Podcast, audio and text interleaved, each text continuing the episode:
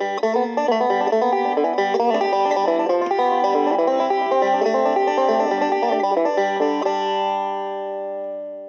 och välkommen till Ullpodden nummer 22. Hej! Hur mår du? Jag mår jättebra. Hur mår du? Jo, men eh, det är bra. Jag är lite seg för att lamningen har startat. Ja, jag har sett dina underbara små lamm på Facebook. När de, har, när de racear och tittar glatt in i kameran. Ja, de är väldigt nyfikna om man sätter sig ner där i samma nivå som dem. Då, då brukar man bli lite uttittad. Och sen har de precis börjat träna för sina lammrace. De är ju bara några dagar gamla, liksom den äldsta är en vecka tror jag. Eh, och det är så kul att se hur de tränar för de här racen, hur de har det i sig. Liksom. Ja, Många lägger ut filmer på sina lammrace, så det, det är någonting som lamm gör ja, naturligt. Som man brukar säga, det är den mest spännande tiden i ett, under ett fårår, men lite av den jobbigaste också. ja. Har de börjat lamma i, på Asperger, vet du? Något Ja. det? det har de faktiskt. Ja. Mm. Men jag har inte varit och kollat. eh, Jag har inte sett några, bara sett på bild. Jaha, har det hänt någonting sen sist då, ullrelaterat, som du vill rapportera om? Ja, men nu om vi hänger kvar lite grann här. Det, det, nu är det en lång association här. men du pratar ju om, om dina lamm. Eh, Jag har sett eh, den eh, nya filmen Lamm. Och jag har inte sett den än. Ja, den var ju väldigt, väldigt speciell måste jag säga. Jag vet inte riktigt om, om jag tycker att den var så där jättebra. Men Vad handlar filmen om? ja, det är ju en isländsk film och den utspelar sig på Island. Eh, glesbygden, verkligen. Det är, det är ett, eh, ett lantbrukarpar eh, som bor där och det är eh, Noomi Rapace som spelar kvinnan i det här paret. Ja, men man får följa dem ganska liksom no, årliga göromål så att säga. Och de har bland annat får, så får man vara med när, de, när fåren lammar. Och sen så plötsligt så hjälper de en tacka som har det lite besvärligt. Och eh, när det här lammet föds då, så tittar de på varandra och så fattar man att det här är något speciellt. Mm. och så plockar de upp lammet i, i famnen och så ser man en, en, liksom en människohand. Då. Och då är det alltså ett, eh, det är ett hälften lamm, hälften baby. Oj, Så det har ett lammhuvud och så halva, halva sidan liksom är, är en människokropp kan man säga. Den går på två ben. Efter ett tag då, först är den ju liksom bara en liten bebis då, Mm. så man, man bara hör bara liksom något mm. Eh, Och sen så, så ser man då liksom, som växer ganska fort eh, och blir liksom ett litet barn då som står och med, med, med människokläder på sig och en väldigt söt liten regnjacka till exempel har den och gummistövlar och sånt där. Och, eh, men har då ett lammhuvud. Var är det en läskig film? Nej, det, ja, den, den var liksom beskriven som det, som det, att det skulle vara som en typ av en, lä- ja, en läskig film, en skräckfilm, men det, det var den inte på det sättet. Det tyckte jag inte, men den var ju väldigt, väldigt konstig liksom. Och den blir ännu konstigare. Och den slutar jättekonstigt. Ja, jag skulle verkligen vilja se den. ja, det måste du nog tror jag. Har du varit med om något ullrelaterat?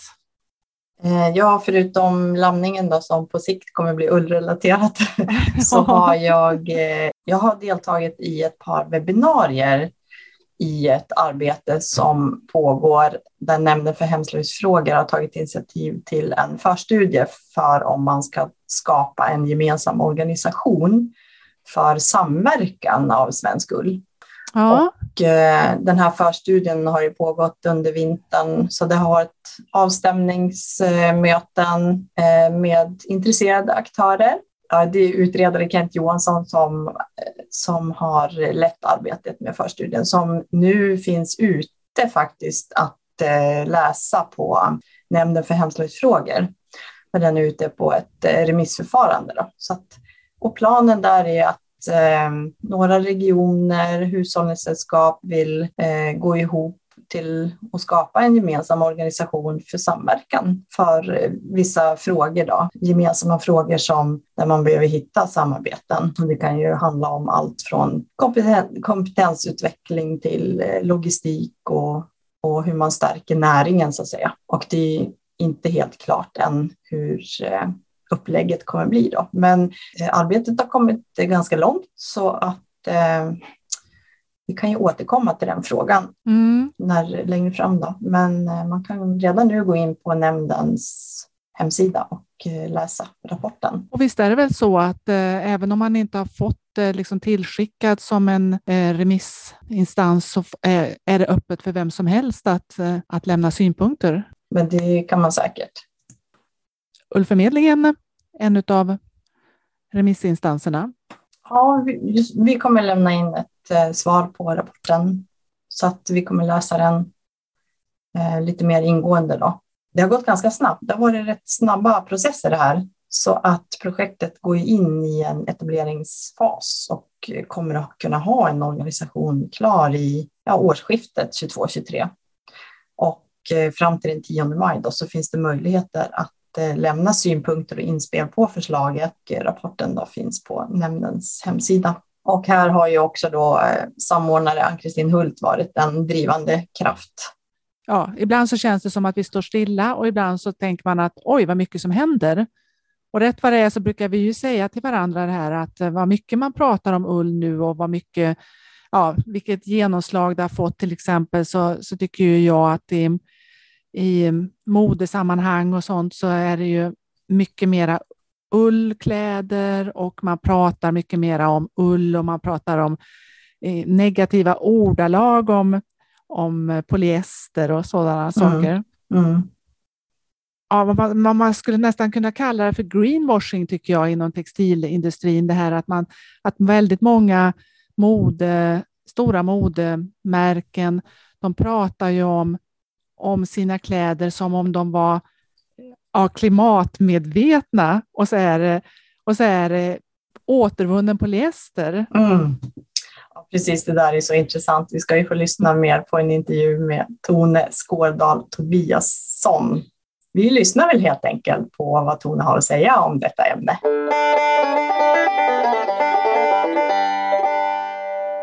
Metoden PF har kritiserats för att den drabbar naturfibrer som till exempel ull på ett missvisande sätt.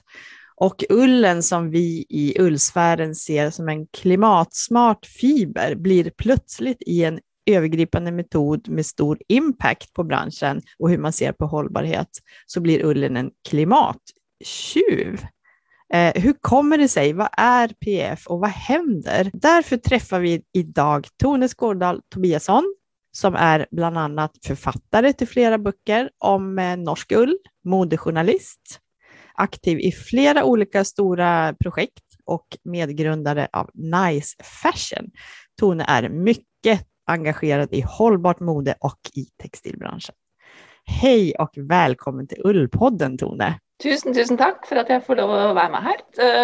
Jag är ju en litt sån potet som brukas till väldigt mycket forskjellig, men jag är ju i bunn och grund så är jag journalist, eh, och så har det blivit mer och mer böcker efter eh, vart. hvert. Men jag jobbar väldigt mycket nu med eh, förmedling runt forskningsprojekt och då är det i, Norge så är det Forbrukerforskningsinstituttet SIFO ved Oslo OsloMet som er uh, mine oppdragsgiver, stort sett.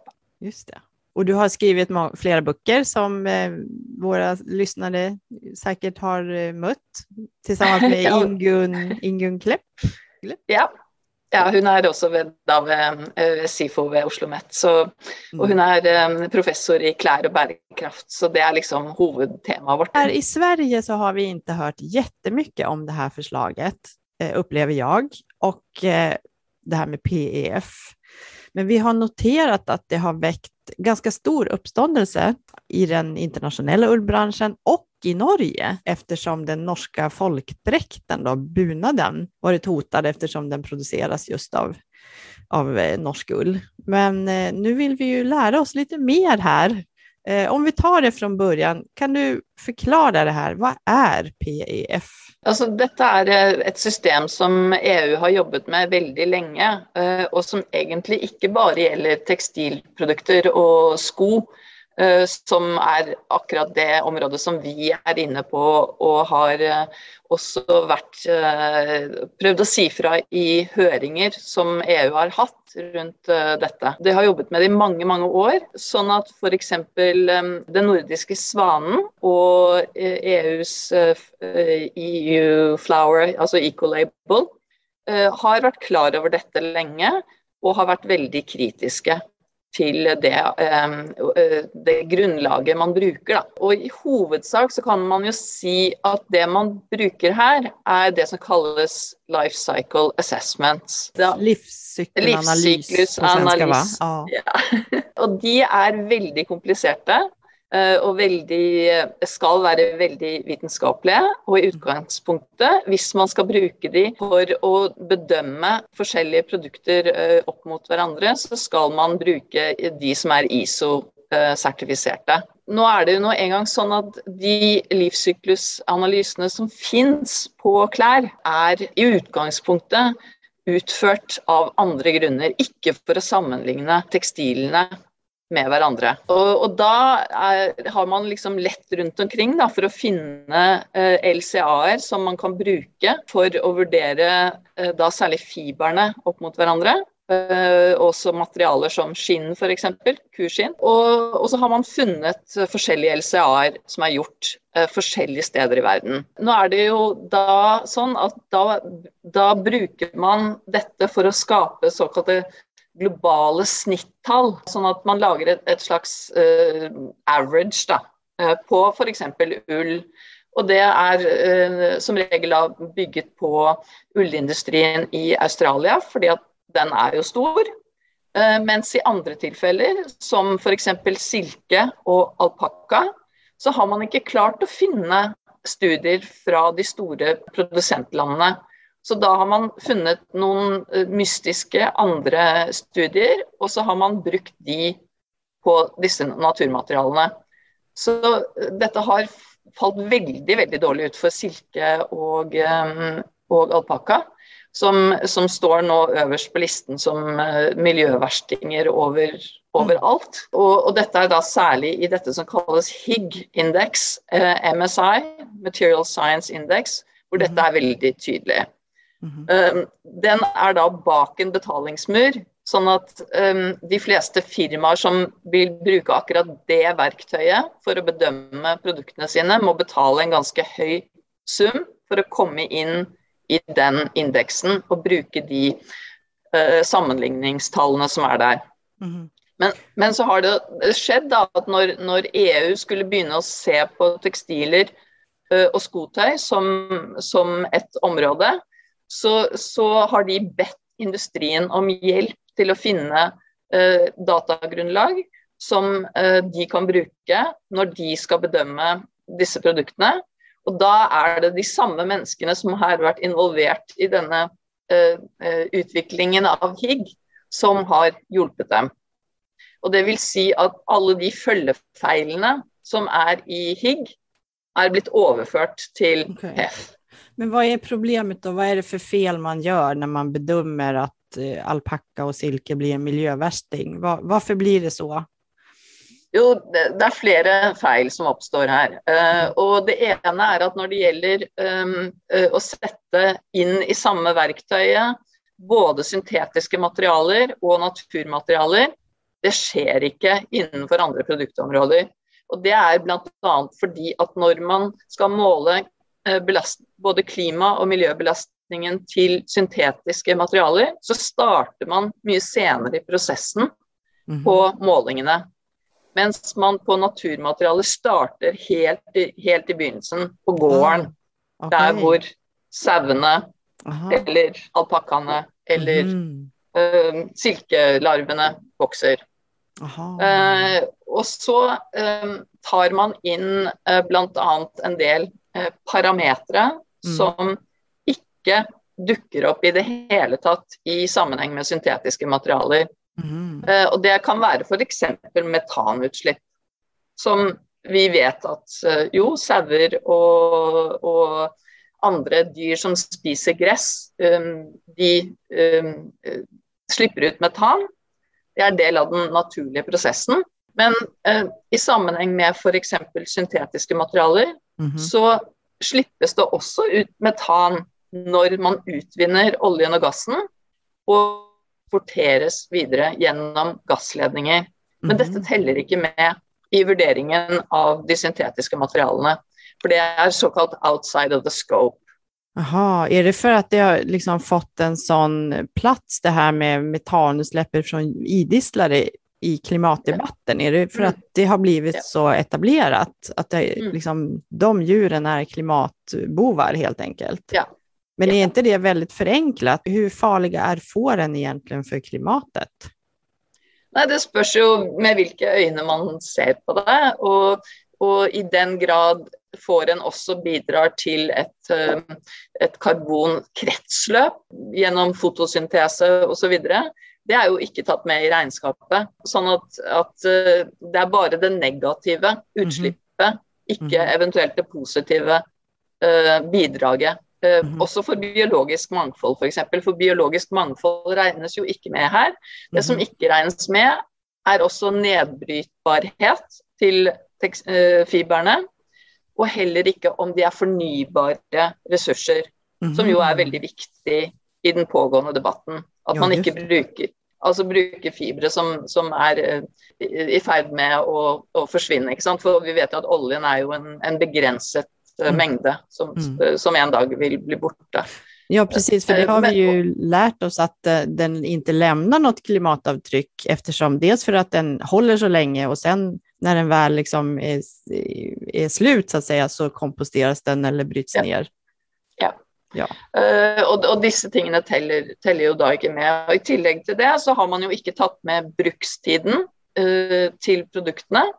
Uh, og da har man skyld, eller sagt at det er fordi dette vet vi ikke nok om. Vi vet ikke nok om forbrukeren og, eh, og hvordan de bruker klærne sine. Og eh, eh hva som skjer når de kaster dem osv. Men da overser de veldig mye forskning som faktisk allerede finnes, og som kunne brukes i denne sammenhengen. Så i andre produktgrupper så er dette veldig viktig. Mm. Uh, og det viser seg jo at det største klimaavtrykket skjer jo i den fasen hvor vi eh, eventuelt bruker tingene lenge. Og Det er jo derfor f.eks. dette med den norske folkedrakten og bunaden er blitt en viktig diskusjon her. For dette er jo plagg som man har uh, hele livet, og som mm. går i arv til neste mm. generasjon. ikke sant? Sånn at uh, um, det er ikke noe som du kjøper for en fest, og så bruker du det ikke Nei. igjen, liksom. Nei, just det. det var slow, slow fashion, virkelig. Ja, veldig, veldig slow fashion. Uh, og dette teller da ikke med. Så det er veldig mange feil som oppstår her, som, som forplanter seg da i, i dette systemet. Så, og, og, dette har jo da denne kampanjen, Make the Label Count, tatt for seg, og, mm. og viser veldig spesifikt liksom, uh, hvor disse feilene oppstår. Okay. Og hva konsekvensen blir. For det er jo hva konsekvensen blir ja. som er, er, det store spørsmålet her. fordi at ja. altså, man sier på engelsk at 'the road to hell is paid with good intentions'. Uh, og det er veldig tydelig her, da. Oi da.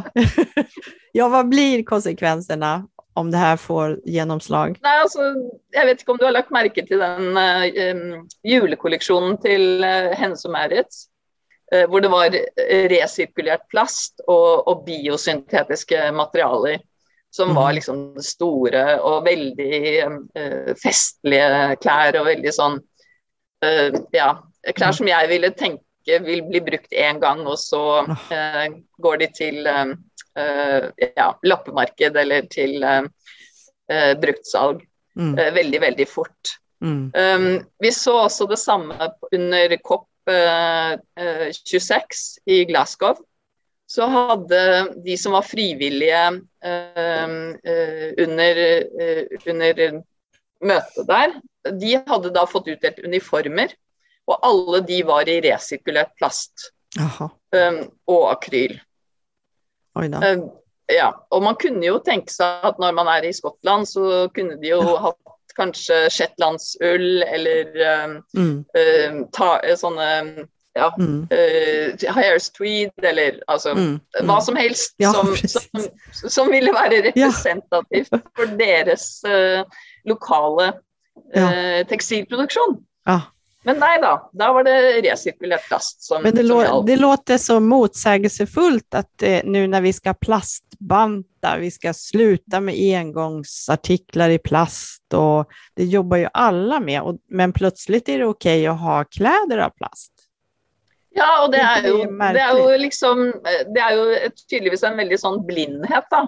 eh, Overfor at, at, at vi skal slutte med plast, men plast i klær skal vi bruke mer og mer av. Mm. Eh, og, og, og det som er prosjektert, er jo at den økningen i plastbruken kommer til å være ganske stor. Ja, Eh, nå vil man jo f.eks. at den skal over på resirkulert plast. Um, men problemet er at mesteparten av de klærne som lages av resirkulert plast i dag, lages jo av plastflasker. mm. precis. Eh, og, da stopper, Ja. og da stopper den der eh, sirkulære rundgangen opp. Fordi at plastflasker kan du bruke om igjen og om igjen og om igjen. Mens hvis du gjør dem om til tekstilfibre, så, så slutter på en måte eh, den muligheten Ah. til å, å sirkulere dem. Aha, så du kan inte återvinna ett sånt plagg igen? Ikke, det finnes ikke noe storskala system for det eh, per i dag. Nå jobbes det jo veldig hardt med det, men, Mm. eh, men det blir liksom Hele ordbruken rundt det er blitt liksom oh, Mm, a mm. regenerative polyester. Yes. Eh, og det er, altså, det er så Absolutt. misbruk av ord at, at, at man blir rett og slett bare sint. Mhm. Fordi eh, det er ikke eh, regenerativt på noen som helst slags måte. Nej. Um, eh, Och, och sen uppmuntrar man inte också till en, en ökad produktion av plast? Ja. Alltså för i Ja. första ledet. Om man ser det här är lönsamt, det här köper folk, det här tror men, men folk det er et hållbart. veldig, det er et ekstremt billig materiale. Ja. Så for industrien, som hele tiden sliter med marginer og, og økt effektivitet og osv., så, videre, og så, videre, så er jo det Førstevalget er jo å gå til billigere materialer. Mm. Just det.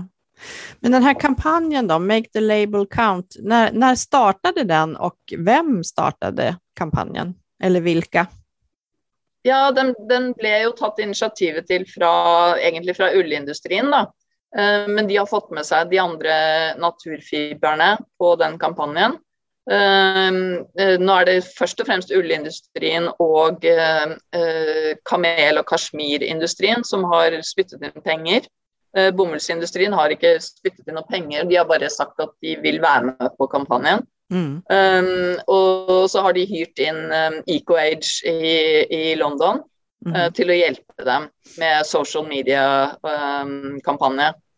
Ok. Uh, og, og da er det Livia Firth uh, som først og fremst um, um, står bak, da, sammen med hennes organisasjon. Men det er altså Dalena White som er ikke sant, som er secretary general i International Wool Textile Organization, som, som er liksom den som faktisk har ledelsen da, i Ok. kampanjen. Okej. Ja, Darlena White har vi hört, hört talas om Ja. tidigare i Ullpodden. Men eh, Livia Firth, vem är det? Ja, altså Hun er eh, italiensk og ekskone til eh, Colin Firth. Um, hun har startet EcoAge eh, sammen med sin bror opprinnelig men har bygget opp en organisasjon som eh, både lager filmer eh, Jeg vil absolutt anbefale å søke på eh, Fashionscape, eh, The Circular Economy. Eh, Som er en veldig veldig god film som, som snakker mye om Som forteller mye om, om eh, hvor det stopper opp når det gjelder sirkulærøkonomien eh, for tekstiler. Og eh, så hun er produsent av filmer og konsulent for, eh, forskjellige brands, eh, og hjelper bransjen med å bli mer eh, bærekraftig. Hun startet i sin tid den kampanjen som het eh, eh, 30 wears, som, altså at du skulle bruke klærne eh, om igjen og om igjen så mye som mulig, og, og bruke dette i sosiale medier, sånn at det ikke hele tiden var nye antrekk som ble, ble plukket frem. Mm. Men at man, man em, ga kredibilitet til dette å ha på seg ting ofte og mye. Mm. Men jag tänker på, på det här, eh, vad, vad säger den svensk, eh, vad säger den norska fårbranschen om, finns det ett stort engagemang eh, för de här frågorna i, i norska fårbranschen? Hur, hur... Eh, det, det har blitt det. Ja, mm. eh, og, men det er jo særlig eh, denne folkedrakt- og bunadssektoren som, som har løftet det fram. Da. Um, og, og, når man begynner å pirke ved uh, noe som er så viktig for nasjonen Norge, da, så, så skaper man jo store bølger i media. Mm. Um, nå er det jo ofte sånn at uh, folk leser bare overskriften, og så mm. får de ikke helt med seg uh, hva saken egentlig handler om. Mm. Så vi, Ingunn og jeg, etter at vi på en måte har snakket om dette og skrevet om det, har blitt som ja, det er EU-motstandere og, og, sånn. Det er jo ikke det det ah, handler om. Vi, det handler ikke om at vi er mot EU. Vi er ikke mot uh, gode tiltak og reguleringer som gjør at folk får bedre produkter og gode produkter. Det vi er mot, er at uh, når det blir så feil at de ender opp med å få dårligere produkter. Mm. Um, fordi at uh, de blir basert mm. på syntetiske materialer av, av helt gale årsaker. Da. Ja, men den här kampanjen, har den gett effekt? Kan man påverka det här metoden? Ja, alltså, Vad händer? Eh, eh, vi har fått høre at nylig så ble, ble, de som jobber med dette i EU, konfrontert da, med mm. denne kampanjen. Mm. Og om det hadde fått dem til å reflektere over bl.a. makt balansen da, i de som, de som um, jobber med dette. fordi at sånn som det er nå, så er det en teknisk komité som skal se på hvor, hva man skal vurdere uh, inn i dette PEF-verktøyet. Okay. Som også skal vurdere om det skal bli en, en uh, pålagt merkeordning, eller om det skal bli en frivillig merkeordning, eller om det kun skal være det som skal regulere om du kan um, kalle noe grønt, altså noe mer um, bærekraftig i, i, i, som rek uh, reklame osv. Mm. Og der sitter stort sett industrien i dag. Mm. Så det er f.eks. ikke noen forbrukerorganisasjoner som har uh, stemmerett i denne tekniske komiteen. Det er kun industrien som har det i dag. Uh, okay. Og det vanskeliggjør jo Eh, stemmene utenfra. Det blir jo en maktstruktur som blir gal her. Mm. Og, og, det har man også pekt på. Og jeg tror, eller det virker nå som om EU begynner å forstå at dette er, et, uh, dette er problematisk. Mm. Hva med urfolkene f.eks. I, i Europa? De bruker jo nesten bare uh, naturmaterialer. Uh, og da vil jo de få et problem med, med deres klær og, og deres, eh, de tingene de bruker. Just det. Ja, vi har ju skinnen i, alltså ja. Sápmi. Ja. finns det några reaktioner därifrån? Jeg tror ikke de Jeg vet ikke til hvilken grad de har fått med seg at dette foregår. Uh, men, men, det er nå engang sånn at hvis du i EU sier uh, har dere tenkt på urfolkene, så blir de litt bleke med en gang og tenker at ops, her må vi skjerpe oss litt. Just det. Men akkurat nå så tenker jeg det, mest, det mest farefulle nå er dette med um, fordi at nå har de EU har jo hengt seg veldig opp i dette med greenwashing. Um, ikke sant? Og, mm. og hvis de skal bruke det samme datagrunnlaget for å vurdere om du kan komme med green claims, så er vi jo egentlig i samme suppa. Mm. Mm. Er du orolig nå da for bunaden og den norska ullen, eller hur känner du? Har det, känns det som det gör någon skillnad ändå? Jag, jag tror at uh, jeg tror at uh, altså Selv om Norge ikke er med i EU, så har de jo skjønt at uh, vi, vi, kan lage støy hvis vi vil. Mm. Og vi kan si fra når vi ser at noe er så urettferdig og så galt. Mm. så så jeg tror de, de har våknet opp til at uh, for det første at de ikke skal overlate dette til industrien selv å bestemme. Nej. Men också för att man är nødt til å, å, å tenke litt annerledes om, om hvilke, hvilke ting man skal telle. For det er jo en gang sånn at man, man teller jo det man kan telle, ikke nødvendigvis det som faktisk teller. Mm. Mm. I den store sammenhengen. Jeg tror det er veldig viktig at når man ser på denne type verktøy som, eh, og eh, politikk som, som, eh, man legger opp til da, i de forskjellige landene og i EU og andre steder, så må man alltid se på hvem er det som gagner, altså hvem er det som vinner gjennom at disse tingene gjennomføres, og hvem er det som taper. Mm. Ikke sant? Mm. Og veldig ofte så er det de små, marginaliserte som taper. Mm. Eh, fordi de har ikke samme musklene og samme uh, makten som det uh, de store aktørene mm. har. Uh, og, de store aktørene tenker på seg selv.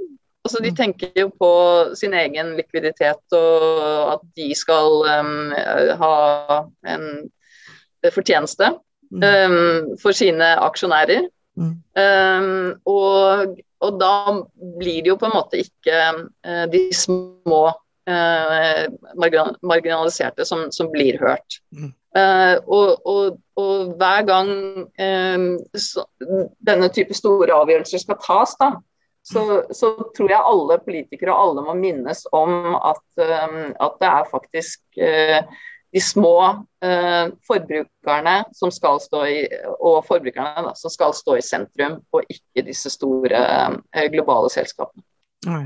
Ja, klokt tenkt det blir ju så konstigt när vi, vi som jobbar med ull och får och vi verkligen tycker att det här är ett eh, hållbart naturmaterial. Vi pratar om ullen som klimatsmart. Vi är så liksom upplyfta av det, eh, att det är så bra och då blir det så konstigt att få de här signalerna. Eh, det blir ju en väldig konflikt eh, och en rädsla tror jag också. Vad, hur kommer det här drabba oss eh, på sikt? Blir det ännu ett hot liksom, för fårnäringen? Vi har så mycket ändå som vi mm. kämpar med. Liksom. Man, man, man slåss på en måte i en oppoverbacke, och så ska det komma en stor rullestein och bara knusa dig i det ja. du håller på Precis. i denna oppoverbacken. Stoppa rullstenen. Tusen tack för ja. att du ville komma. Jätteintressant att höra och Eh, vi fortsätter följa frågan ja. helt enkelt. Supert, jättefint. Ha det så fint. Ha det. Tack ha det jättebra.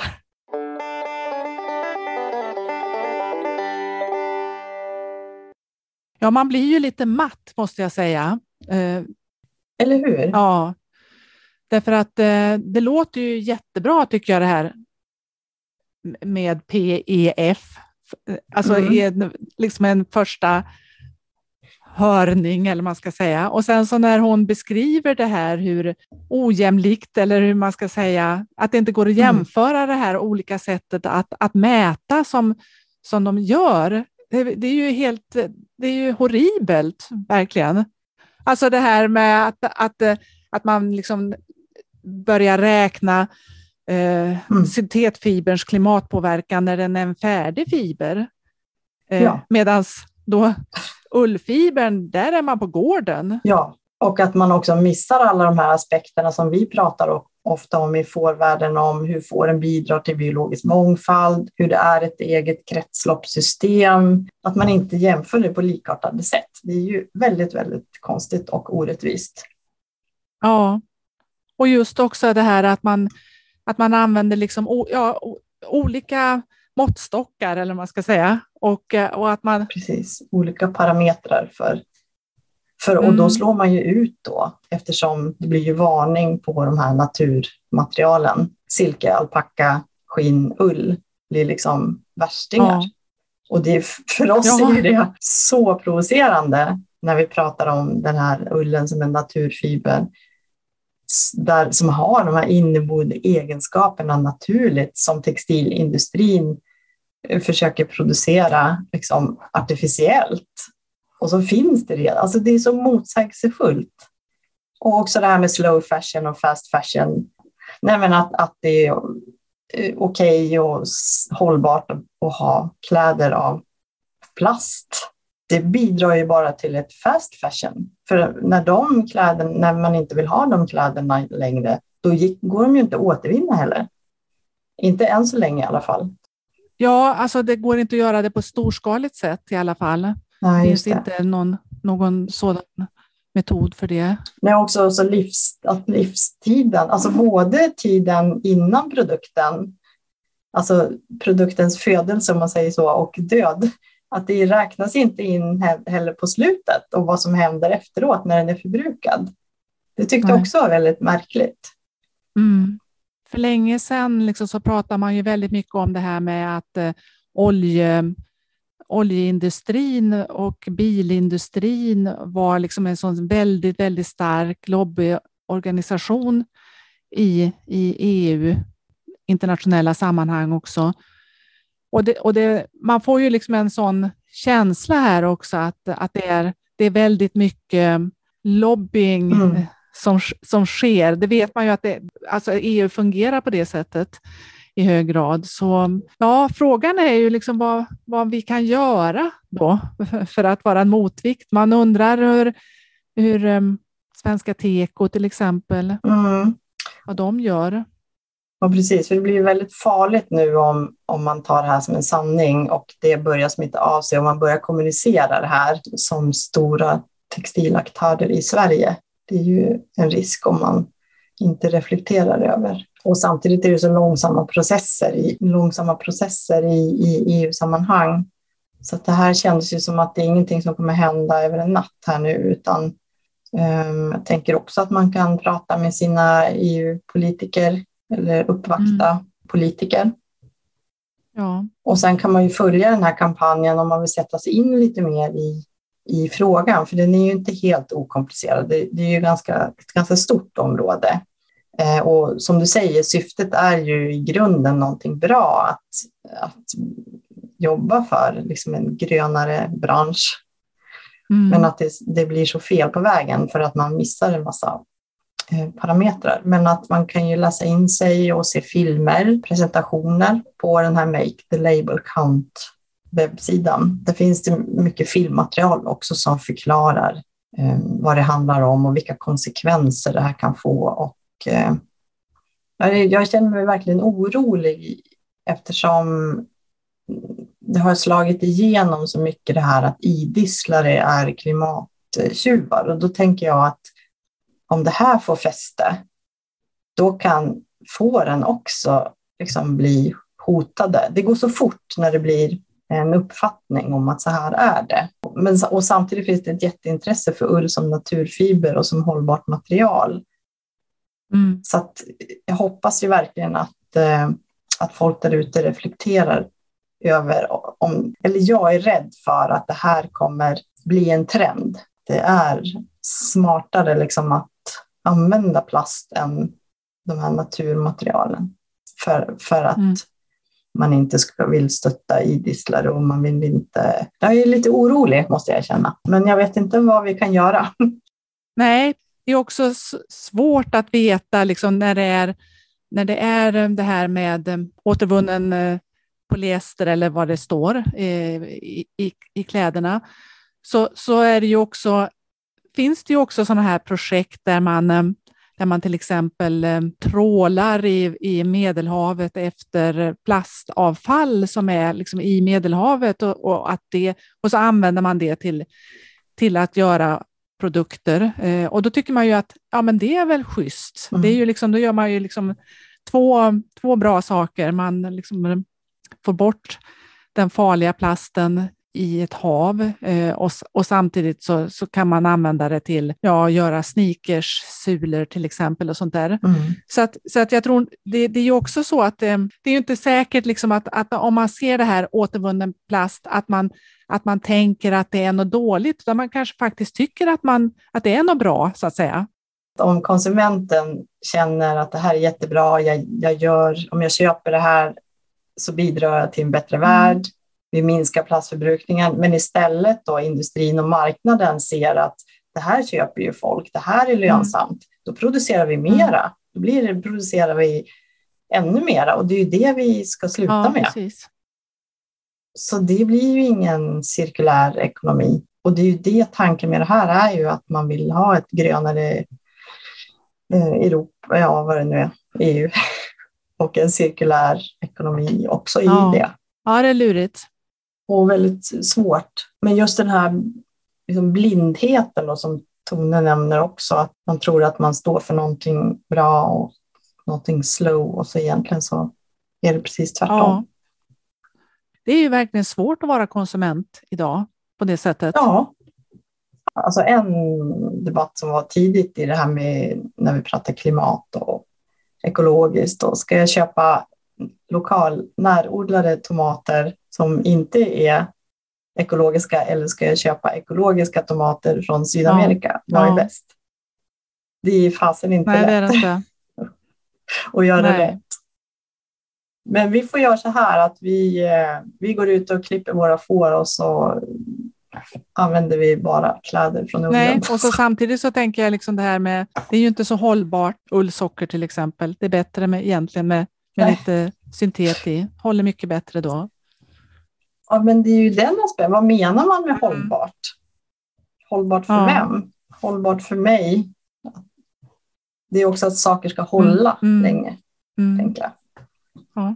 Men tillbaka till den här PEF-problematiken. Det är, ursprungligen är det ju att man vill skapa en märkning som, som hjälper konsumenten att göra rätt. Ja, Vi får ju hoppas att, att de som bestämmer förstår att det finns lite feltänk i det här. ja Och att, man också, att det finns tid att justera det. Liksom. För att kan man göra kanske, kanske du som lyssnar tänker, ja dels så kan du ju läsa mer om kampanjen Make the label count för att öka lite kunskap. Och sen är det väl bara att diskutera frågan stort och smått i alla möjliga sammanhang.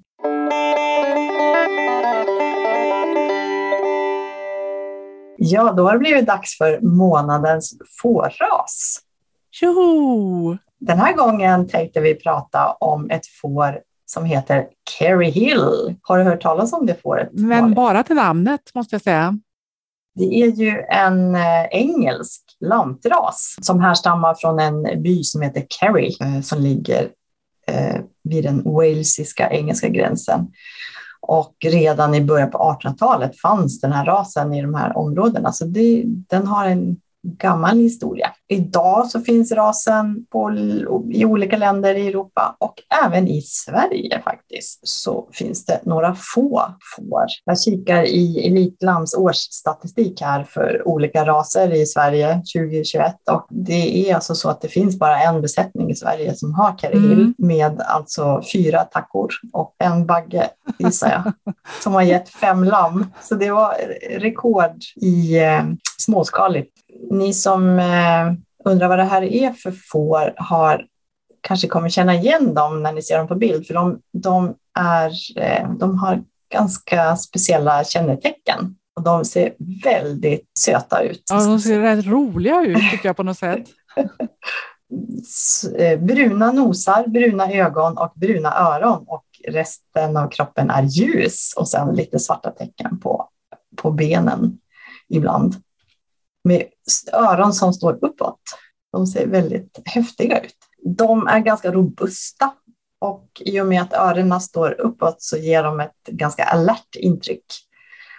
Och eh, de har inga horn, varken tackor eller baggar. Och det är en härdig ras som har god foderomvandlingsförmåga. Så de är, och tackorna förstås kännetecknas för en utmärkt moderinstinkt. Får i snitt 1,75 lamm.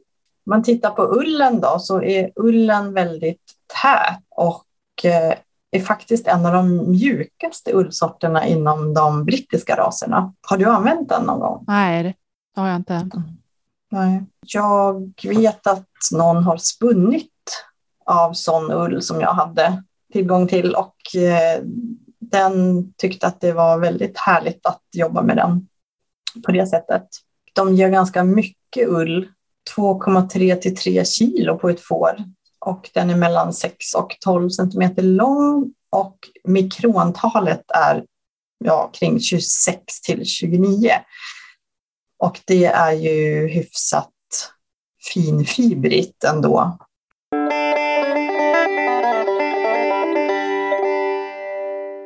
vill du stötta oss och vårt arbete så kan du bli Patreon.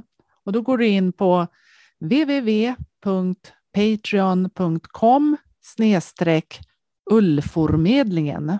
Och då får man också lyssna på de här avsnitten lite tidigare än alla andra. Så att det betyder jättemycket för oss om du vill bli Patreon. Ja, men ska vi säga tack och hej då? Ja, det tycker jag vi gör. Tack och hej! hej då! Ha det gött! Avsnitten hittar du på www.ullformedlingen.se och du kan också följa vår Facebook-sida Ullpodden där vi publicerar länkar och bilder som anknyter till det som vi har pratat om. Ha det så bra, hej då!